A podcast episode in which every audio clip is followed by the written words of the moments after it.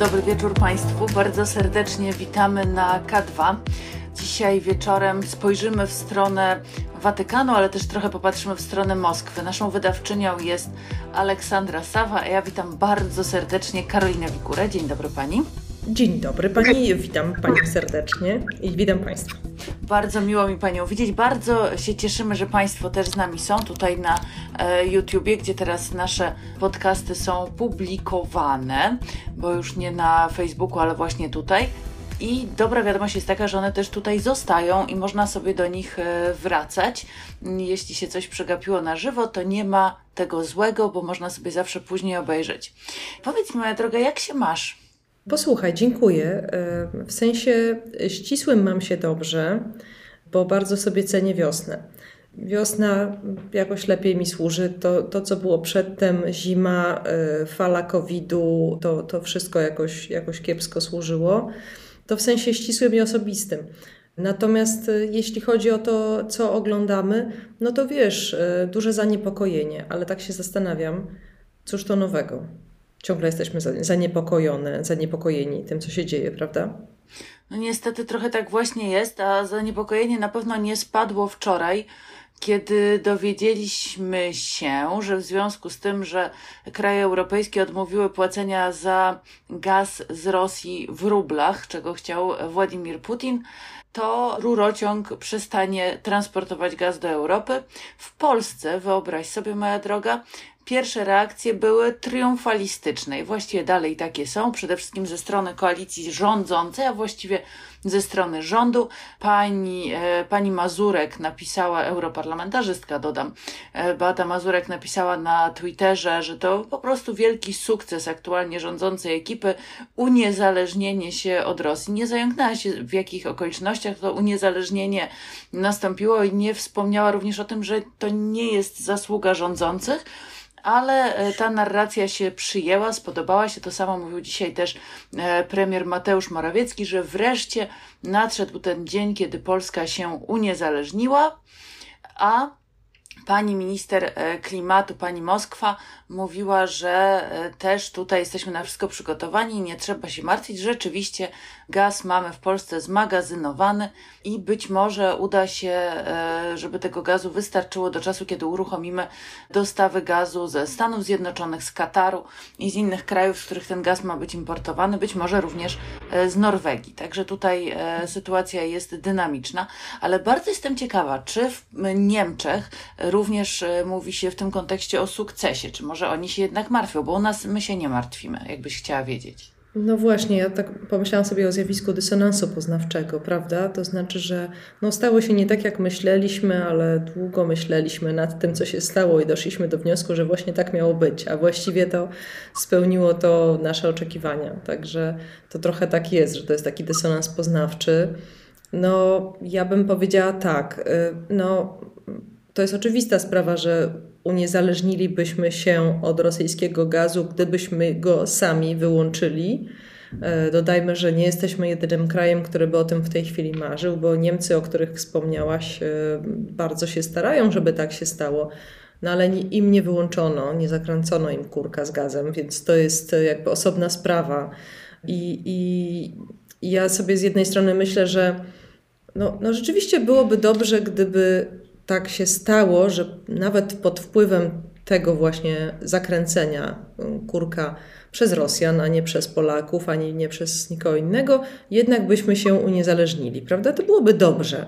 Może nawet jeszcze lepiej byłoby, gdyby trochę więcej niż tego gazu było tych źródeł odnawialnych. To może jeszcze lepiej byłoby. Ale z drugiej strony myślę sobie, okej, okay, ale ten Baltic Pipeline, o którym słyszymy, że będzie działać od jesieni, to czy on w ogóle będzie działać, to nie wiemy, bo przecież to jest wielka inwestycja i może się coś opóźnić. To jakby raz. A dwa, to też myślę sobie, że to taki oddech wojny jednak powinniśmy czuć, dla, dlatego że, no właśnie, Niemcom nie wyłączono, ale nam jakoś wyłączono i Bułgarii też Więc może, jeżeli by na przykład Rosja chciała pójść dalej, to do Niemiec nie pójdzie, ale może pójdzie do Polski i do Bułgarii. Więc to, to jest jednak tak, że to taki lęk egzystencjalny we mnie wzbudza.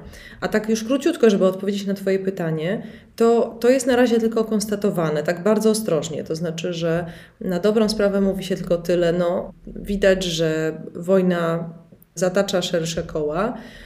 Rosjanie wyłączyli Polakom i Bułgarom kurki. Polacy twierdzą, że mają raczej pełne magazyny gazu, bo, bo 3 czwarte powinni do jesieni wytrzymać. No mniej więcej tyle jest mówione, ale, ale jednak z takim szerokim geopolitycznym kontekstem tego, że to jest ta wojna, to ona się tak rozlewa. I teraz rozlała się do nas, chociaż nie w taki sposób, jaki myśleliśmy. No właśnie, i to jest, to jest wiesz, dosyć.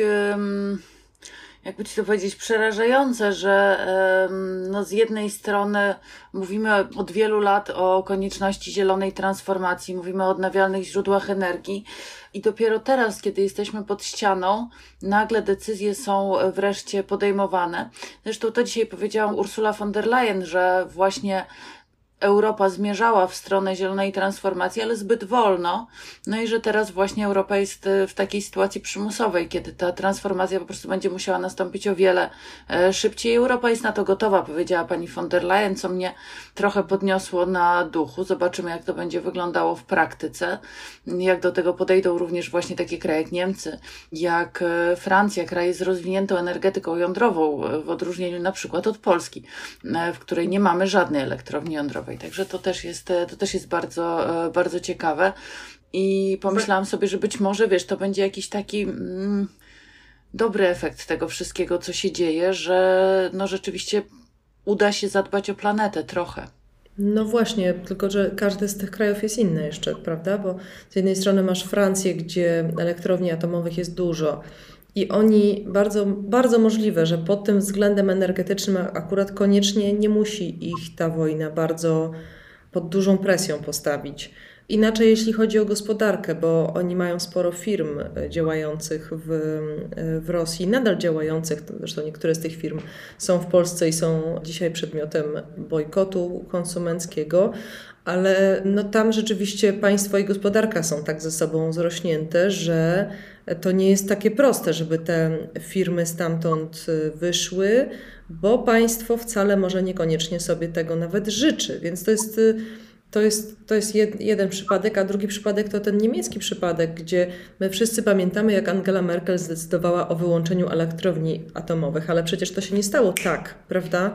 One y, jeszcze cały czas, przez bardzo wiele lat działały i, i działają. I teraz jest wielkie pytanie o to, czy rząd którym jest e, zdecydowana, zdecydowanie ważne stanowiska, takie jak właśnie ministra spraw zagranicznych albo minister gospodarki, one są sprawowane przez Zielonych. Czy teraz okaże się, że oni włączą te elektrownie atomowe z powrotem? No i wtedy oczywiście co z reakcją społeczną, bo ta reakcja na wyłączenie e, tych elektrowni przez Angelę Merkel była bardzo pozytywna pomimo tego, że przy dobrym zarządzaniu i, i właściwym konserwowaniu to jest czysta energia i bezpieczna. No, ale właśnie tak było. Tak swoją drogą, wiesz, jak już o tym rozmawiamy, to trzeba też powiedzieć, że, że to jest ciekawe, w jaki sposób ten rząd Angeli Merkel doznaje powtórnego bilansu. To znaczy, że kiedy ona odchodziła, to na dobrą sprawę oceny były bardzo, bardzo pozytywne. Nawet u krytyków. Krytycy mówili tak, no oczywiście, tak to i to, ale tak poza tym to wielka era Merkel i, i tak. A, a dzisiaj z punktu widzenia tego, że jednak te 16 lat układania się z Rosją i kolejna sprawa to ta kwestia zależności energetycznej e, od Rosji no to jest dzisiaj coraz właściwie takim ważniejszym pretekstem do powtórnego bilansu. Jestem ciekawa, co z tym bilansem będzie dalej, bo on jest nieoczywisty. Dokładnie, im bardziej na to patrzymy, tym mniej jest oczywiste. E, jeszcze do tego wszystkiego są dosyć szokujące wypowiedzi na przykład Gerharda Schrödera, takie, że aż człowiek się zaczyna zastanawiać nad tym, znaczy, jak, jak można coś w ogóle takiego mówić, ale. Ale jeśli e, mogę obronić, jeśli mogę obronić tutaj, to powiem, że jednak jest bardzo prawdopodobne, że Gerhard Schröder zostanie usunięty ze SPD. Więc e, po tym wywiadzie dla New York Timesa, bo to o tym wywiadzie oczywiście mówisz. Tak, tak.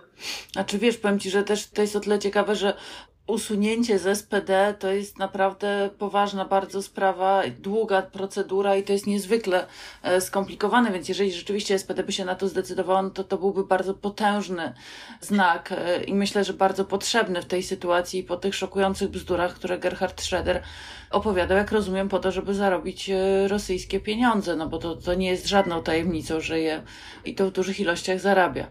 Ale chciałam Cię zapytać o jeszcze jedną rzecz, wiesz, bo to jest takie, chciałam posłuchać Twojej opinii jako osoby światłej, uczonej, ale też jako matki, bo ja jestem e, pod ogromnym wrażeniem, słuchaj, pan minister Przemysław Czarnek, nasz ulubiony, wiesz, wielki pedagog, wybitny dydaktyk i tak dalej, i tak dalej, propedeuta nauczania, wymyślił sobie, że te dzieci, które przyjechały do Polski z Ukrainy, te dzieci, które zostały włączone, czy też zechciały się włączyć w polski system e, szkolny, które teraz będą pisały test ósmoklasisty, mają go napisać e, z matematyki, z języka obcego, e, no i z języka polskiego. I no ile w przypadku matematyki sprawa jest naj, najłatwiejsza, bo zadania będą po ukraińsku, przetłumaczone będą te wszystkie wstępy, Test z języka też dzieci mówią, że sobie poradzą, ale mają też napisać test z polskiego, po polsku. Mają napisać rozprawkę wymagającą znajomości polskich lektur e, z polskiej szkoły. I pan minister powiedział, że nie może zdać egzaminu ósmoklasisty w Polsce nikt, kto nie mówi po polsku, ale też e, twierdził, że ten model jest elastyczny. Trzy razy powtórzył elastyczność, elastyczność, elastyczność. Jesteśmy najbardziej elastycznym systemem. Jak byś się czuła, Karolina, gdyby, gdyby twoje dziecko stało przed takim egzaminem, który no nie ma jakiejś granicy. Trzeba na niego pójść, żeby go zdać. Wystarczy pójść no ale z drugiej strony efekt tego egzaminu jest bardzo ważny, decyduje o tym, do jakiej szkoły średniej się pójdzie. I wiadomo, że część tych y, dzieci z Ukrainy będzie chciała kontynuować edukację w Polsce. No i to jest skazywanie ich na, wiesz, szkoły mm, no, niekoniecznie e, zgodne z ich aspiracjami, marzeniami i umiejętnościami. A nauczyć się polskiego w dwa miesiące to naprawdę nie sposób jeszcze, wiesz, uzupełnić wszystkie e, lektury z kanonu. Co to jest za pomysł? Jak, jak byś to skomentowała?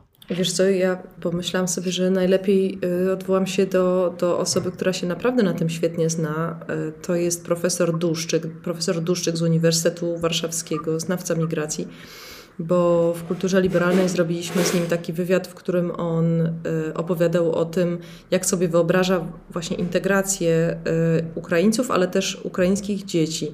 I on używa takiego pojęcia, które mi się bardzo podoba, to znaczy, że uważa, że trzeba stosować integrację miękką. Co to znaczy? My w gruncie rzeczy nie mamy pojęcia, czy ci ludzie z nami zostaną, czy też ci ludzie e, będą po roku, po, po pół roku wyjeżdżali. I profesor Duszczyk mówi tak, że nieważne jest to, ile oni z nami zostaną, ważne jest to, jakie oni będą mieli wspomnienia.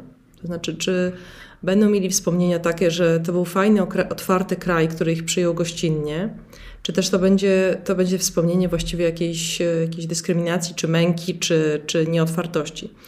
No i jakby wiemy, że społeczeństwo obywatelskie w Polsce robi bardzo dużo, żeby to wspomnienie było właśnie miękkie, otwarte, fajne, no ale niestety tego rodzaju postępowanie to jest absolutnie nie miękka integracja, to jest integracja bezmyślna właściwie nie integracja, integracja przez wykluczenie. Ale zacytuję profesora Duszczyka, bo on świetnie rozwiązuje tę sprawę. Mówi tak. Minister Czarnek powtarza, że dzieci z Ukrainy będą zdawały egzamin ósmoklasisty i maturę po polsku, bo nie będziemy tworzyć przywilejów. Oczywiście, że nie powinny mieć żadnych przywilejów, ale to nie znaczy, że należy zmuszać je do absurdów typu interpretacja świtezianki po polsku. Ci, którzy wymyślili taki system, powinni dziś zinterpretować wiersz Tarasa Szewczenki po ukraińsku. Przecież nawet jeśli podejdą do egzaminu ósmoklasisty, co oczywiście nie jest obowiązkowe, ale jednak otwiera drogę do szkół średnich i otrzymają zero punktów, to i tak nie dostaną się do szkoły, która jest w profilu ich zainteresowania. A zatem będzie to kolejna trauma. Nie wiem, czy tak opisaną sytuację można nazwać równymi szansami. Po prostu nie trzeba było tego robić. No, ja się bardzo z tym zgadzam. Nic nie stoi na przeszkodzie, żeby pomyśleć w sposób nieco bardziej otwarty. No właśnie, a nie taki elastyczny, jak proponuje najbardziej elastyczny pan, e, pan Czarnek. E, przerażająca jest to moim zdaniem bzdura i głupota, ale zostawmy pana e, Przemysława Czarnka, zostawmy triumfy naszego rządu. Nie będę cię już tym męczyć, moja droga. Zajmijmy się sprawami bardziej świętymi. Chciałabym, żebyśmy się przeniosły do Watykanu ze wspaniałą przewodniczką, bo dzisiaj będzie z nami Helena Jędrzejczak, filozofka, publicystka, nasza redakcyjna koleżanka z kultury liberalnej. I e, no to właśnie Helenę będziemy chciały zapytać o, o reakcję papieża Franciszka, o reakcję Watykanu na e, wojnę w Ukrainie. Dzień dobry, cześć Heleno. Dzień dobry, cześć Karolino, cześć Kasiu. E, słuchaj, na początek Mam do Ciebie pytanie, które mnie dręczy od pewnego czasu. Dlaczego papież Franciszek jeszcze nie pojechał do Buczy, do Mariupola, do Charkowa? Papież Franciszek nie pojechał chyba nawet do Kijowa. I, i myślę, że, że tak, dlaczego nie pojechał? Pewnie uważa, że to jest y, nieważne, a może nieistotne z perspektywy interesów jego kościoła, czy też y, państwa Watykan. To znaczy, dla mnie, jako chrześcijanki, ale nie katoliczki, jest to mm, zaskakujące i przykre. To znaczy, w moim y, rozumieniu chrześcijaństwa nie mieści się taki stosunek, taki stosunek do wojny, taki stosunek do prześladowanej y, ludności, taki brak wrażliwości. To znaczy o tym, jak y, jak bardzo smutna jest ta reakcja, czy brak reakcji Watykanu, myślę, że świadczy to, że lajkuje na Facebooku każdego posta Tomasza Terlikowskiego na temat e, reakcji Watykanu na, na agresję Rosji na Ukrainę. No, jest nam dość daleko do siebie ideologicznie, natomiast e, no, to, co pisze redaktor Terlikowski dotyczące reakcji na, na decyzję Franciszka no, jest też tym, tym, co ja czuję. Pewnie jak odsunę na bok swoje emocje, a popatrzę na to bardziej jak y, historyczka idei zajmująca się teologią polityczną, jest, y, jest mi to łatwiej hmm, może uzasadnić na gruncie historii, na pewno nie, nie usprawiedliwić. No tak, to tylko znaczy... papież powiedział, znaczy tutaj został zapytany w wywiadzie o to, dlaczego właśnie jeszcze się do Ukrainy nie wybrał, mimo że jest tam bardzo oczekiwany, powiedział tak, nie mogę zrobić czegoś, co wystawiłoby na ryzyko wyższe cele, jakimi są zakończenie wojny, rozejm albo przynajmniej korytarz humanitarny. Jak przysłużyłoby się to, gdyby papież pojechał do Kijowa, a wojna byłaby kontynuowana następnego dnia? Tu są wątpliwości papieża, że on by tam pojechał, i to by nic nie wniosło.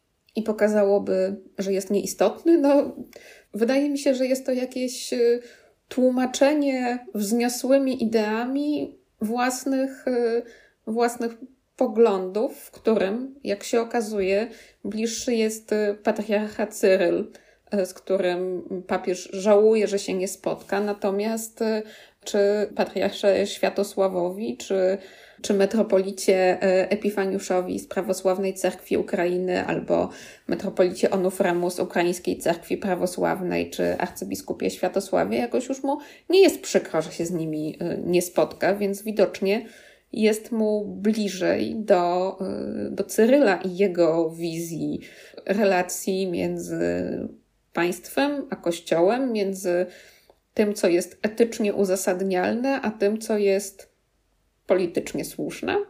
To jest ciekawe, wiesz co, ja, ja tak usiłuję sobie tak poukładać tę sprawę w głowie.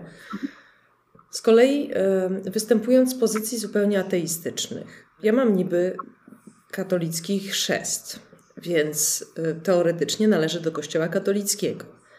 Ale jednak uważam się za stuprocentową ateistkę. I teraz Dlaczego właściwie dla osób, które należą do laikatu, tak pojętego, albo nawet dla, dla osób po prostu z Kościołem niezwiązanych, ateuszy, miałoby to być istotne? I myślę sobie, no, to jest jakoś istotne, nawet dla osób, które do Kościoła e, nie czują, e, nie czują żadnego związku z Kościołem, dlatego że postać papieża jest symboliczna dla wielu osób i nawet te osoby, które luźniej się wiążą z Kościołem, patrzą, no co powie, prawda, autorytet moralny. To jest jakby pierwsza taka bardzo generalna uwaga. Druga to jest taka, że jednak właśnie ten papież odgrywał y, bardzo istotną rolę podczas kryzysu uchodźczego w 2015 roku i troszkę później.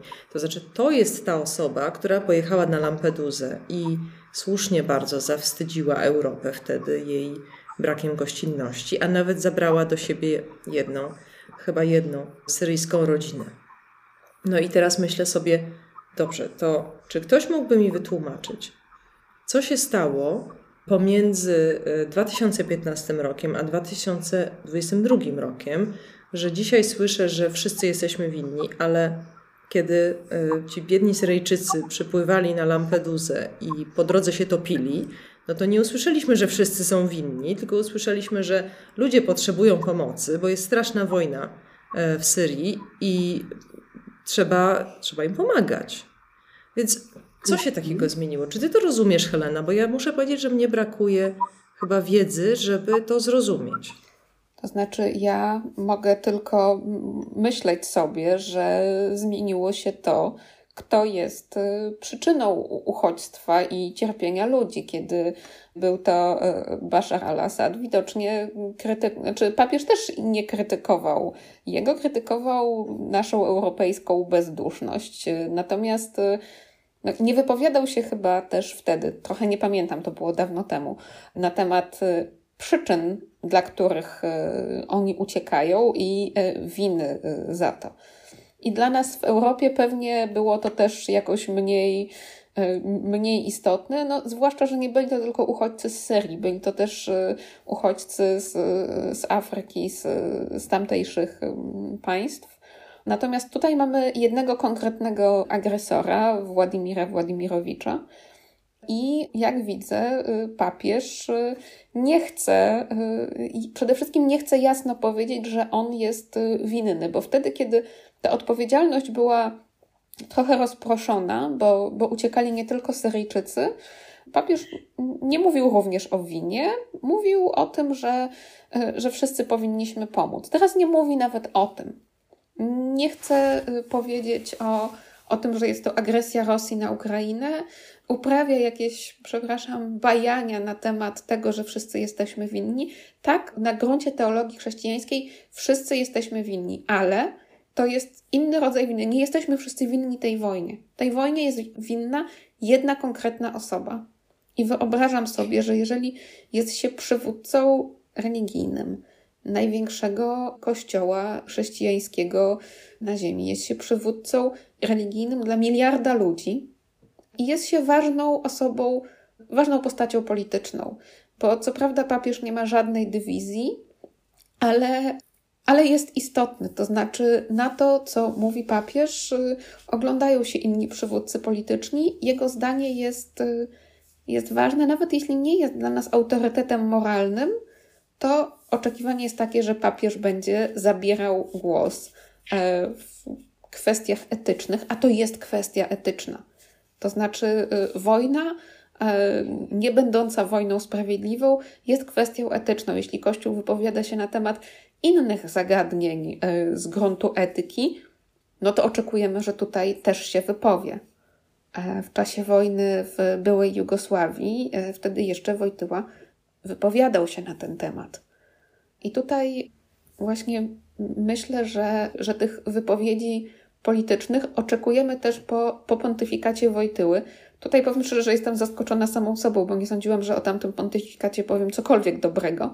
Natomiast no, nasze oczekiwanie, że papież będzie zabierał głos i nie będzie się oglądał na wielkie mocarstwa, mamy chyba po, po kadencji, po pontyfikacie Wojtyły.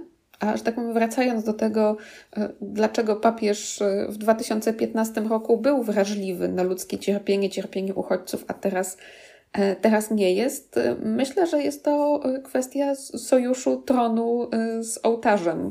I nawet jeśli to jest inny ołtarz, ołtarz, którym zarządza patriarcha Cyryl, to Franciszek i tak jakoś się nie chce z tym, nie chce się z tym zmierzyć, nie chce się z tym skonfrontować, nie chce tamtego tronu drażnić, chociaż jego to by nic nie kosztowało. A w Rosji katolików jest 10%, więc ewentualne uzasadnienia mówiące o tym, że to by zaszkodziło tamtejszym katolikom, moim zdaniem jest, y, jest po prostu nieprawdą. Czy wiecie co, jak tak, bo bardzo się zastanawiałam nad tymi słowami papieża o tym, że, e, że właśnie wszyscy jesteśmy winni w kontekście tego, o czym Karolina wcześniej powiedziała, czyli tego, jak on się zachował jadąc na Lampedusę. I nie wiem, czy pamiętacie, on właściwie e, od początku bardzo mocno e, podkreślał kwestie związane z uchodźcami, właściwie od początku swojego pontyfikatu i bardzo dużo mówił o konieczności niesienia pomocy tym ludziom, którzy są zmuszeni do uciekania ze swoich domów, zmuszeni do uciekania z powodu wojny. I Nie chcę, żeby to. E, ja nie chcę papieża usprawiedliwiać. Zgadzam się z tym, że jest, oprócz tego, że jest głową kościoła, jest również politykiem. Ale pamiętacie na pewno tę e, rzeźbę Mauricio Catellana zniszczoną przez jednego z posłów Ligi Polskich Rodzin w Warszawie, tego papieża przywalonego meteorytem. To była głęboko metaforyczna praca mówiąca o tym, że papież e, no, w tej katolickiej konwencji jest tą osobą, która bierze na siebie cierpienie, ból całego świata. I że ten ból może go pokonać, że może go przytłoczyć, że może go, może go przewrócić. I um, dla mnie te słowa Franciszka to było jak takie właśnie padnięcie pod ciężarem meteorytu, szczerze mówiąc. To znaczy, e, pomyślałam o nim jako o człowieku, który jednak wywodzi się z Ameryki Południowej, jest papieżem z Argentyny, jest papieżem, którego orientacja geopolityczna jest na pewno inna niż nasza w Polsce i na pewno inna niż e, to się najczęściej dzieje w Europie. On widzi szerzej i przeżywa i mówił o konfliktach, które były daleko od, e, od Europy. I być może to jest tak trochę, że z jego perspektywy Żyjemy w czasach jednej wielkiej, niekończącej się wojny, że ta wojna w Ukrainie jest kolejnym aktem potwornej, ogólnej wojny ludzi przeciwko ludziom. I że w pewnym sensie te słowa ja odebrałam jako takie przyznanie się Kościoła katolickiego do, do winy, właśnie. Do tego, że pomimo e, dwóch tysięcy lat historii, chrześcijaństwo nie zatriumfowało w wersji katolickiej. Tak jak powiedziałaś, Heleno, największy chrześcijański kościół na świecie nie położył kresu wojnom, chociaż właściwie od początku miał to w statucie, ale bardzo się temu e, sprzeniewierzał, wiele wojen wywołał, wiele ma na sumieniu, o czym akurat Franciszek mówił. E, oczywiście te słowa były, były głęboko niezręczne, głęboko nie w nie wstrzeliły się w moment, bo my dzisiaj nie chcemy jakiejś rozwiniętej filozoficznej retoryki być może i uznawania win Kościoła, tylko być może właśnie chcemy, żeby ktoś nam jasno powiedział, ci są dobrzy, ci są źli, my jesteśmy e, ci dobrzy, tylko tylko nie wiem, czy, e, czy to by było e, intelektualnie uczciwe, ale oczywiście być może tutaj wiele osób ma rację. Nie jesteśmy w momencie, kiedy to właśnie intelektualna uczciwość jest tym, co, co najważniejsze. Także ja. Co papież miał powiedzieć? Winny jest Władimir Putin? Czy papież jest y, przede wszystkim politykiem, czy przede wszystkim jest głową kościoła, który ma na sztandarach wybaczenie? Wiesz co, to ja tutaj, e, że tak powiem, no, muszę się temu przeciwstawić i zacytuję tutaj e, Dietricha Bonhoeffera. E, to był niemiecki ewangelicki teolog, duchowny, zaangażowany, mocno zaangażowany w antynazistowski ruch oporu i stracony z tego powodu w ostatnich tygodniach wojny. I on na początku wojny powiedział, że kiedy jako chrześcijanin e, widzi e, szaleńca, który samochodem zamierza rozjechać e, stojących ludzi, to jego rolą jako chrześcijanina nie jest pocieszać ofiary i bandażować ich rany, tylko wyrwać kierownicę z rąk szaleńca. No, Bonhoeffer zdecydował się na zaangażowanie w w ruch oporu w, Abwerze, bycie spiskowcem. Oczywiście nie tego oczekuję od Franciszka, ale oczekuję od papieża, że nie będzie jako chrześcijanin z dużo większymi możliwościami niż miał szeregowy y, duchowny Dietrich Bonhoeffer. Oczekuję, że on nie będzie zajmował się tylko pocieszaniem cierpiących i opatrywaniem ran, zwłaszcza, że on nawet tych ran opatrywać nie chce. On nie chce być z cierpiącymi. On nie pojedzie nie tylko do Mariupola i Buczy, on nie chce pojechać nawet do Kijowa, a nawet porozmawiać z głowami cerkwi prawosławnych w Ukrainie. Więc y, tutaj, jeśli papież ograniczałby swoją rolę do niesienia pocieszenia, to on tej roli nie wypełnia. Czyli mówisz, że on po prostu zawodzi, e, znaczy nie wykonuje swojej podstawowej pracy, jaką jest niesienie pomocy katolikom na całym świecie, ale też. E, nie, nie tylko katolikom, ludziom. No, ludziom w ogóle, tak, ale, ale rozumiem, że ten nawet nie jest w stanie wesprzeć swojego kościoła, nie mówiąc już w ogóle o ludziach i o dialogu też z innymi, z innymi kościołami. Watykańscy dyplomaci byli załamani po tych y, zachowaniach papieża i po tym, jak właśnie y, powiedział o tym, że wszyscy jesteśmy winni i publicznie żałował, o czym też powiedziałaś, że nie dojdzie do skutku jego e, spotkanie z patriarchą moskiewskim Cyrylem. No i trawestowali słowa Winstona Churchilla, że papież, by ratować pokój, położył na szali swój autorytet. W efekcie stracił jedno i drugie. Czy się z tym zgadzacie? Karolina może? Posłuchajcie, to jest bardzo ciekawe, dlatego że między wami się trochę taki spór zarysował i ja mam takie wrażenie, że, że dopiero jak ten spór się zarysował, to widać, jaka ta sprawa jest skomplikowana. I, i właśnie niejednoznaczna do oceny. To znaczy, że z jednej strony jesteś ty, Kasiu, i mówisz, że chcesz powiedzieć właśnie, chcesz zaznaczyć, że ta perspektywa globalna, że jeżeli ktoś ma perspektywę pozaeuropejską, to niekoniecznie ta Ukraina jest dla niego albo dla niej taką, takim dramatem, taką... Nie no, jest, jest potwornym dramatem, ale chodzi o to, że każda wojna jest potwornym dramatem, gdzie by się nie toczyła. Ja chcę być, dobrze się wyrazić, to znaczy, że my wiemy, że takie rzeczy jak w Ukrainie działy się przedtem gdzie indziej, ale z przyczyn tego, że to jest tak blisko, e, widzimy to wyraźniej, tak jakbyśmy nałożyli okulary. I tak nie powinno być, ale taka jest nasza natura ludzka prawdopodobnie, bo to blisko, bo to podobna kultura. E, niektórzy jeszcze złośliwie dodają, bo tam ludzie są biali i wyznania chrześcijańskiego. Ja nie wiem, czy to prawda, ale niektórzy tak dodają. No więc to z jednej strony mamy tę perspektywę globalną, z drugiej strony jest ta perspektywa tego takiego walecznego chrześcijaństwa, którą zarysowuje Helena. To znaczy, że i ten Bonhoeffer, który, prawda, się, który się pojawił tutaj, e, i, i, I to jest rzeczywiście też bardzo interesujące. I mnie się wydaje, że te wszystkie konteksty jakoś w tym są. Nawet sobie pomyślałam, kiedy mówiłaś, Helena, o tym, o Bonhoefferze, Przypomniałam sobie słowa takiej, takiej dzisiaj już nestorki zielonej polityki w Niemczech, e, kiedyś bardzo aktywnej wybitnej bardzo polityczki, e, czyli Marię Louise Beck, która powiedziała ostatnio, że ona już ma dosyć tego pomagania ofiarom przez Niemcy. To znaczy, że Niemcy są tacy świetni w przyjmowaniu uchodźców. I ona mówi, to jest okropne.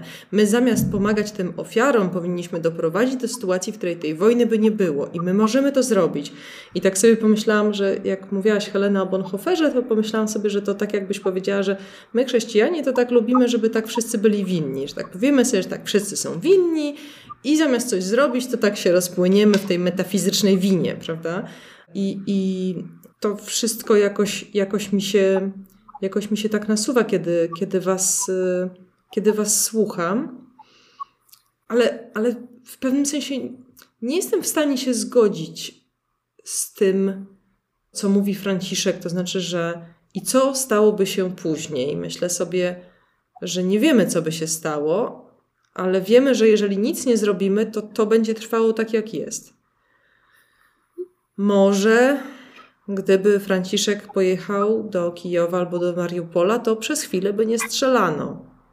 To może to już jest dużo, bo to, że nic nie, nie, nie zrobimy, że nie pojedzie, to na pewno nie, nie powstrzyma ludzi, którzy strzelają, zrzucają bomby, gwałcą i, i mordują. Yy, więc Więc nie wiem, właściwie wiecie, muszę powiedzieć, że mam więcej wątpliwości niż takich łatwych stwierdzeń. To jest właśnie coś, co mnie bardzo, e, bardzo uderzyło. Ty się, Karolina, znasz na winie i wybaczeniu w takim kontekście, e, powiedziałabym, większym niż indywidualny, zdecydowanie społecznym. I e, myślałam sobie, że to jest bardziej o tym, e, to co on powiedział, niż o tej konkretnej sytuacji. I oczywiście. E, to pytanie o to, dlaczego, e, dlaczego te działania nie są podejmowane, jest pytaniem, które, które cały czas powraca i na które tak naprawdę Franciszek nam nie odpowiedział, ponieważ w tych wywiadach, które przyglądałam, e, przygotowując się do tego dzisiejszego naszego programu, przeczytałam o tym, że on dzień przed wybuchem e, wojny udał się do ambasadora Rosji w Watykanie, żeby z nim porozmawiać. Że on tam mówił, że nie przespał wielu nocy, właśnie martwiąc się Ukrainę i o to, co się tam wydarzy że e, on prowadzi swoje zabiegi, tak powiedział, prowadzi swoje zabiegi nieoficjalne, nie takie, znaczy nie, nie może, nie, nie tyle nieoficjalne, ile upubliczniane, dotyczące otwierania korytarzy humanitarnych i niesienia pomocy. Ale ja zawsze mam inną wątpliwość, znaczy ja się zawsze zastanawiam nad Kościołem katolickim, który jest gigantyczną i bardzo bogatą instytucją. Gdyby chciał się tymi biednymi zaopiekować, gdyby chciał nawet tylko te rany opatrzyć, to miałby do tego środki. I e, dlaczego tego nie robi? Hmm. Znaczy, to ja tutaj, yy, to mnie szczerze mówiąc mniej zajmuje, czemu tego nie robi. E, znaczy, bo wydaje mi się też, że, że robi tylko akurat z tym się nie afiszuje i wiem, że y, Caritas czy, czy parafie w Polsce się tym zajmują i że, że akurat w tej kwestii to działa wobec uchodźców, działa tutaj, tutaj w Polsce, no tylko, że to jest ten moment, kiedy e, ja oczekuję e, no, reakcji głowy e, Kościoła i bo mówiłaś, Kasiu, o tym, że być może on ma szerszą perspektywę, bo jest z Argentyny. Moim zdaniem ta perspektywa nie jest szersza. Ona jest inna i pełna niezrozumienia dla, dla Europy. Po prostu. I też y, oczekuję, że y, papież tutaj będzie nie tylko współczuł i mówił nam wszystkim, że mamy współczuć, tylko że jednak y, podejmie działania, które być może sprawiłyby, że tego cierpienia byłoby mniej. Bo gdyby, tak jak mówiłaś, Karolino, pojechał do tego Mariupola, a nawet do Kijowa, to przez, przez jakiś czas kilka osób, kilkanaście, kilkadziesiąt nie zostałoby zabitych, zranionych lub zgwałconych. I moim zdaniem minimalizowanie cierpienia w ten sposób jest skuteczniejsze i y, przeciwdziałanie mu. I ja też y, uparcie wracam do tej relacji między Kościołem rzymskokatolickim a władzą, czy tutaj konkretnie między papieżem a, władzą. Papież Benedykt XVI, kiedy poczuł się bezsilny wobec kwestii w Banku Watykańskim i kwestii pedofilii w Kościele, ustąpił z urzędu. Jeżeli papież Franciszek czuje się tak bardzo bezsilny, że boi się pojechać i sprawdzić, czy jest silny, czy bezsilny, to może, zresztą tak jak obiecywał na początku swojego pontyfikatu, może to jest czas, kiedy należałoby ustąpić z tronu Piotrowego. Bo jeżeli widzi coś, ważne zagadnienie, w którym potrzebna jest y, y, siła i potrzebna jest y, taka rozumiejąca perspektywa, rozumiejąca, a nie tylko przyjmująca własną winę, no to może to jest ten moment, kiedy powinniśmy, powinniśmy mieć już dwóch emerytowanych y, papieży. I dom dla papieża seniora w Castel Gandolfo. Um, ja chciałam teraz e, na chwilę się odwrócić od Watykanu, popatrzeć na wschód, w stronę Moskwy, bo kim jest ten patriarcha Cyryl, z którym tak e, Franciszek żałuje, że się nie spotkał? Jakie są jego poglądy, jakie są jego działania? Wiemy, że sojusz ołtarza z tronem w putinowskiej Rosji jest bardzo silny ten sojusz trwa, trwa od zawsze. E, czy relacje między państwem a kościołem to jest taki mój naukowy konik, bo istnieje taka koncepcja, że Moskwa jest trzecim Rzymem, czyli w uproszczeniu jej istnienie e, tak teologicznie ma powstrzymać nadejście antychrysta. Ale to jest dość stara koncepcja. I e, tak jak Niemcy miały swoją koncepcję o niemieckiej drodze odrębnej, że również trwanie e, świętego cesarstwa rzymskiego narodu niemieckiego jest warunkiem tego, żeby antychryst nie nadszedł, to Rosja miała swoją analogiczną e, koncepcję, że również jest Rzymem i również póki ten Rzym będzie trwał, to antychryst nie nadejdzie. No i w związku z tym cerkiew była e, w bardzo bliskiej relacji z władzą e, carską. Potem była trochę prześladowana w czasach Związku Radzieckiego, ale ta bliska relacja jakoś się odrodziła. I to, że Putin jest e, byłym podpułkownikiem KGB, tutaj niczego nie zmienia. Ale tutaj to jest ważne zastrzeżenie. Absolutnie nie zgadzam się na teologiczne usprawiedliwienie e, Cyryla, że no cóż, no, cerkiew musi dbać o, o, to, żeby e, Moskwie działo się dobrze, bo jest trzecim Rzymem. Nie, nie, nie. Jesteśmy w XXI wieku.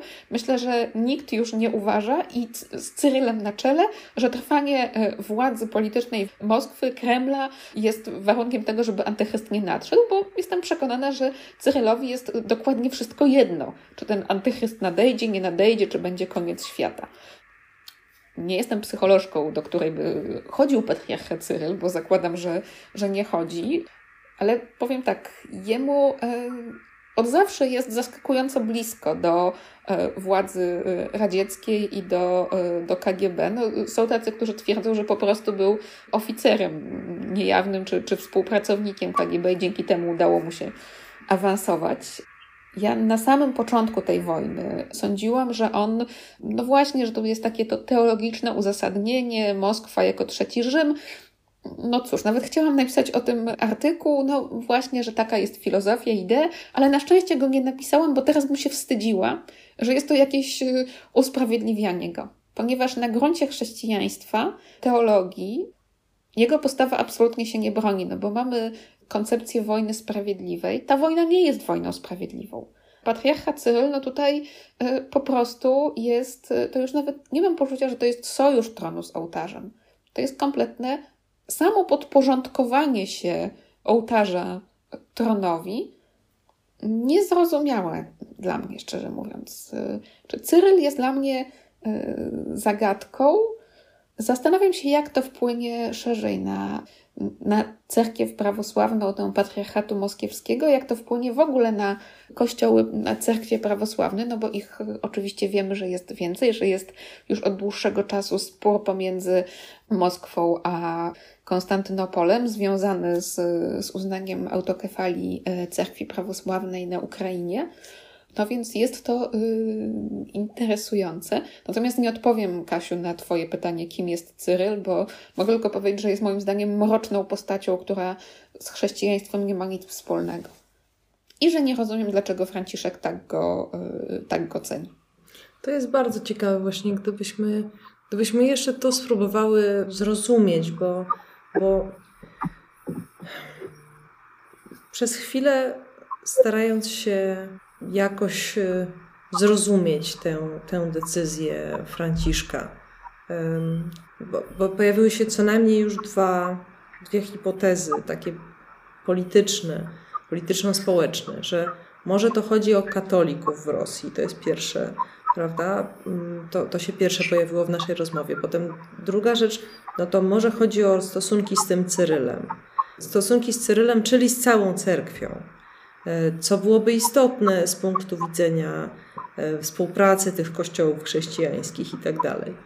Ja bym chciała podrążyć jeszcze, to znaczy, czy jesteśmy w stanie znaleźć jakieś takie uzasadnienie, które nawet z punktu widzenia politycznego, choć może nie takiego, z którym, do którego byłoby nam blisko. Bo, bo ja jakby nie mam wątpliwości, że, że jest sens, żeby odczytywać działania papieży jako działania polityczne. Nie tylko dlatego, że są głowami państwa, tylko po prostu dlatego, że istotne wypowiedzi i interwencje w, w, w, sprawach, które dotyczą stosunków międzynarodowych, w tym przypadku wojny, są nieuchronnie polityczne. Nieuchronnie. Ja tak mhm. sobie trochę polemizuję tutaj z takim ciekawym felietonem, który się też ukazał u nas w kulturze liberalnej, czyli tym felietonem Tomasza Sawczuka o tym, że jest czym innym być przywódcą religijnym, a czym innym przywódcą politycznym. I to jest oczywiście o, o Franciszku, Ja przeczytałam ten artykuł z wielką ciekawością i cały czas jeszcze sobie o nim myślę, dlatego wspominam i, e, i, i też bardzo Państwu polecam. Ale wracam do swojego pytania. Czy, czy właściwie to jest pytanie do Was obu? Znaczy, czy Wy widzicie jakiś, jakieś polityczne uzasadnienie? Poza oczywiście tym, że może nam się to uzasadnienie podobać albo nie. Hmm. To znaczy, polityczne uzasadnienie, które mogę widzieć, to jest ta um, międzyreligijna, międzykościelna wspólnota konserwatywnych, obyczajowo starszych panów.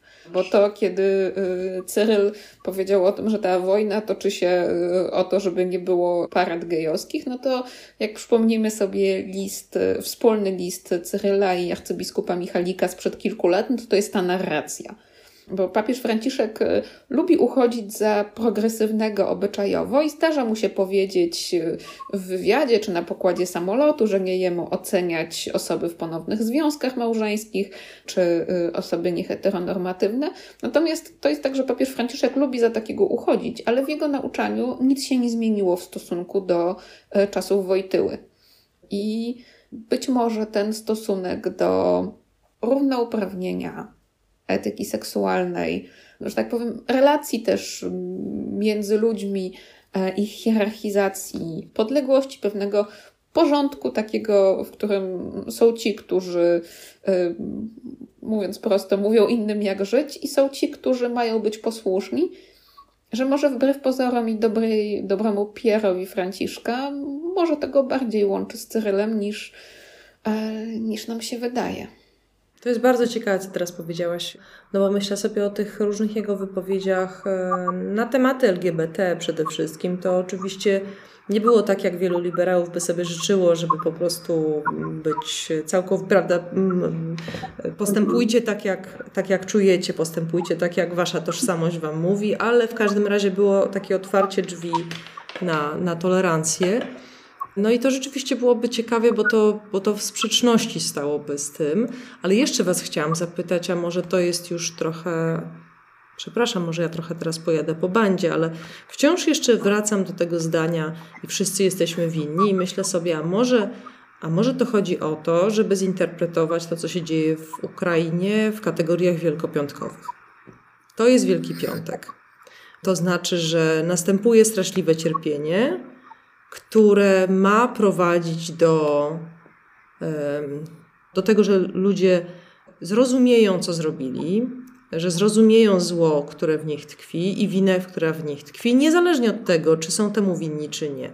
Dlaczego to mówię? Bo w, w teologii chrześcijańskiej istnieje taka próba, aby Istnieją takie próby, aby interpretować w kategoriach wielkopiątkowych wielkie akty masowych morderstw, w tym zagładę Żydów. Y, są takie teksty, które interpretują zagładę Żydów jako Wielki Piątek. To może o to chodzi? Wiesz co, mi się wydaje, że, um, że nie. Że, um, że raczej tu jest mowa o... Um, czy, ta wypowiedź e, w takim kontekście, kiedy patrzymy na wojnę, która się toczy tuż za naszą granicą, kiedy przyjmujemy osoby, które opowiadają nam o tym, co przeżyły, i to jest E, to jest wszystko potworne, kiedy widzimy te wszystkie zdjęcia. To zdanie kłuje, to zdanie boli, to zdanie po prostu jest absurdalnym zdaniem, które mógłby powiedzieć człowiek siedzący daleko na jakimś tronie, e, w dosyć absurdalnym anturażu, jeżeli przyjrzymy się temu z perspektywy współczesności. Mm, ale wydaje mi się, że to nie tyle jest Wielki Piątek, ile raczej próba powiedzenia o tym, że to my ludzie doprowadziliśmy do takiej sytuacji. To my ludzie e, przez e, dwa tysiące lat po prostu dowieźliśmy świat do takiego momentu. Ja to tak odczytuję, tak to odbieram. Chociaż oczywiście timing jest najgorszy z możliwych. E, okoliczności są najgorsze z możliwych i tu się w pełni z Wami zgadzam. Ale z drugiej strony, mamy właśnie tę sytuację relacji pomiędzy Kościołem katolickim a moskiewską cerkwią. Ja nie rozumiem, dlaczego, tak jak Helena na samym początku powiedziała, papież Franciszek nie wsparł e, cerkwi ukraińskiej. dlaczego e, tutaj nie zostały nawiązane kontakty, które były publiczne. Przecież chodzi o to, żeby okazać wsparcie. Chodzi o to, żeby, żeby się zintegrować. I ja nie wiem, czy to jest rzeczywiście tak, że w tych lochach Watykanu jest równie ciemno jak w podziemiach Kremla. Być może tak. I być może rzeczywiście to jest jakaś wspólnota y, patriarchalnego mroku i odmowy jakiegokolwiek postępu, jeżeli chodzi o kwestie obyczajowe. Y, może to jest rzeczywiście walka o utrzymanie y, tego, co Foucault nazywał biowładzą. Może, może to w tę stronę idzie. Ale e, po takim orzeczeniu winy powinny nastąpić słowa o wybaczeniu w chrześcijaństwie. Nie nastąpiły. To ja y, popolemizuję z tą y, ideą, czy, czy że teraz ofiary wojny w Ukrainie, czy że ofiary Holokaustu, że to jest taki, czy że Holokaust to jest taki drugi Wielki Piątek. No więc na gruncie chrześcijaństwa. Znaczy, ja rozumiem, że można być teologiem i, i, i wyznawać takie przekonanie. Natomiast ideą Wielkiego Piątku było to, że ofiara Chrystusa była dobrowolna. On ofiarował się na krzyżu za nasze grzechy. I zrobił to dobrowolnie, świadomie, po to przyszedł na ziemię. No, tak, było to gigantyczne cierpienie za nasze winy, ponieważ wszyscy jesteśmy, yy, wszyscy jesteśmy winni, wszyscy jesteśmy grzeszni, ale ogromne cierpienie Chrystusa jest jego decyzją. I na tym jego miłosierdzie polega, że on, mając możliwość uniknięcia tego, y, specjalnie to cierpienie, te winy przyjął na siebie. Natomiast y, sytuacja y, osób mordowanych i gwałconych w Ukrainie jest diametralnie inna, czy, czy Żydów w czasie wojny, bo oni żadnej decyzji o dobrowolnej ofierze nie podejmowali. Więc no, w tym kontekście mówienie o tym, że y, wszyscy jesteśmy winni, no, mm, no nie, bo w Wielki Piątek y, gigantyczną ofiarę poniósł ten, który winny akurat nie był. A tutaj ofiarę. On to zrobił po to, żeby odkupić, prawda? Tak, żeby odkupić nasze winy. Ukraińcy nie odkupują niczyich win i nie robią tego yy, intencjonalnie. Więc no, mm, tak, Wielki Piątek jest tym dniem w ciągu, w ciągu roku liturgicznego, kiedy y, tradycyjnie mówimy o, o naszej winie. Natomiast y, no, tegoroczny Wielki Piątek był słabym momentem, żeby mówić o tym w ten sposób, w którym mówił Franciszek, dlatego że rozkładając tę winę, która ma konkretną przyczynę w polityce imperialnej Władimira Putina, y, no jakby zabrał część tej winy i jeszcze stworzył jakiegoś alternatywnego Chrystusa z cierpiącego narodu ukraińskiego. Jakoś to się teologicznie nie spina, chociaż tak na gruncie teologii wszyscy jesteśmy winni, tylko w odniesieniu do tego konfliktu, to nie, przepraszam, nie konfliktu, w odniesieniu do ataku Rosji na Ukrainę, to jakby nie jest ta narracja. Właśnie dokładnie tak, czyli wiesz, z jednej, z jednej strony to jest właśnie to orzeczenie powszechnej winy, na którym chrześcijaństwo jest ugruntowane, prawda?